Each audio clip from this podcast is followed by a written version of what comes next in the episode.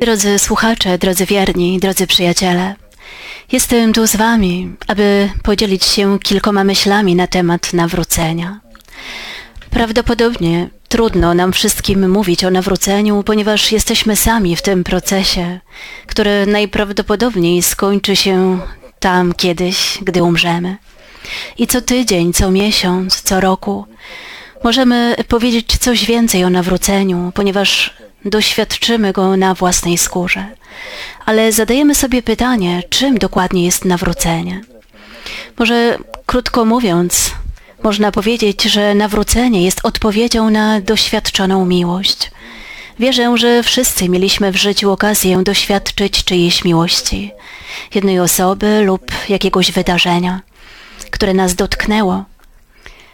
A może właśnie poprzez to wydarzenie lub podejście, spotykając tę osobę, już doświadczyliśmy pewnej przemiany. To mocne doświadczenie rodzi w człowieku pytanie, co mogę uczynić, aby odpowiedzieć na miłość? Jak mam żyć, by odpowiedzieć na miłość, której doświadczyłem? Być może właśnie to jest najbliższe koncepcji nawrócenia. Ponieważ źródłem wszelkiej miłości jest Bóg, gdyż wszystko pochodzi od Niego, On jest miłością. Każda miłość, jakiej doświadczamy od osoby, piękno natury, zawsze prowadzi nas z powrotem do źródła. Dlatego gdy człowiek patrzy w lustro, obserwując lub ponownie analizując własne działania, słowa, życie, zawsze może zadawać sobie pytanie, co powinienem czynić, aby jeszcze bardziej odpowiedzieć na miłość, aby być bardziej godnym tego, do czego zostałem stworzony, aby być bardziej sobą. Mówi się, że człowiek staje się coraz bardziej świętym, kiedy staje się tym, czym jest poprzez stworzenie. Proces nawrócenia u niektórych może dzięki łasce Boga nastąpić szybko, można powiedzieć z dnia na dzień, ale u większości z nas dzieje się to powoli, przez długi czas. Jesteśmy tak bardzo przywiązani do różnych nawyków, przyzwyczajeń, być może i uzależnień, które pielęgnowaliśmy w cudzysłowie przez wiele lat. A teraz musimy się tego pozbyć. Serce może być dotknięte miłością, czystością, delikatnością i harmonią Boga, ale czasami ciało nie ma jeszcze siły, by przejąć te cechy serca. I wtedy należy powoli, krok po kroku ćwiczyć, zmieniać nawyki. Kiedy upadnę, wstać ponownie.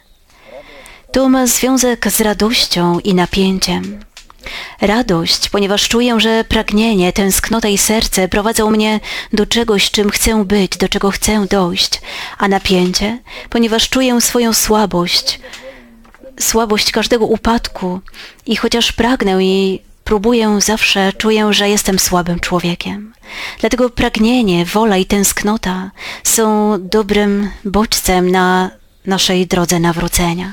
A z pewnością w centrum wszystkiego jest modlitwa ponieważ my, wierzący, wpatrujemy się w nasze centrum, a jest nim Chrystus.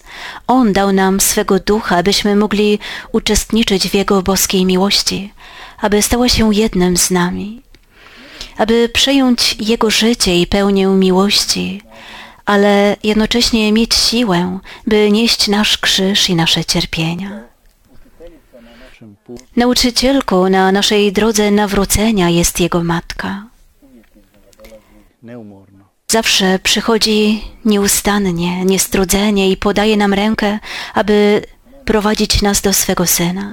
Ona jest naszą nauczycielką i pięknie pokazuje nam, jak wzrastać w jedności z jej Synem. Wśród wszystkich środków, jakie nam oferuje, daje nam pewien bardzo piękny środek, którym jest różaniec. Dla niektórych to zbyt prosta, być może nawet sucha modlitwa, ale niesie w sobie wielką siłę. Piękno różańca polega na tym, że odmawiając zdrowaś Mario, święta Maryjo, rozważając tajemnicę, pytamy Matkę Bożą, jak było Ci z Twoim Synem? Jaka była Twoja wiara, jaka była miłość? Jak odpowiedziałaś na wszystko, co Bóg Ci dał? Jak odpowiedziałaś na wymagania Twego Syna? Pytamy ją o jej doświadczenie wiary, miłości i nadziei, abyśmy wzrastali w tym doświadczeniu. Na naszej drodze nawrócenia, która wymaga od nas ciągłego spoglądania w lustro i zadawania sobie pytania, co więcej mogę uczynić, aby kochać, aby odpowiedzieć na miłość. Niech Matka Boża będzie naszą nauczycielką, naszą matką, która zaprowadzi nas do źródła, do swego Syna. Pragnąc nawrócenia, bądźmy z nią, ponieważ ona ukrywa nas pod swoim płaszczem i uczy nas, jak osiągnąć jedność z nią, z jej Synem, z miłością Boga.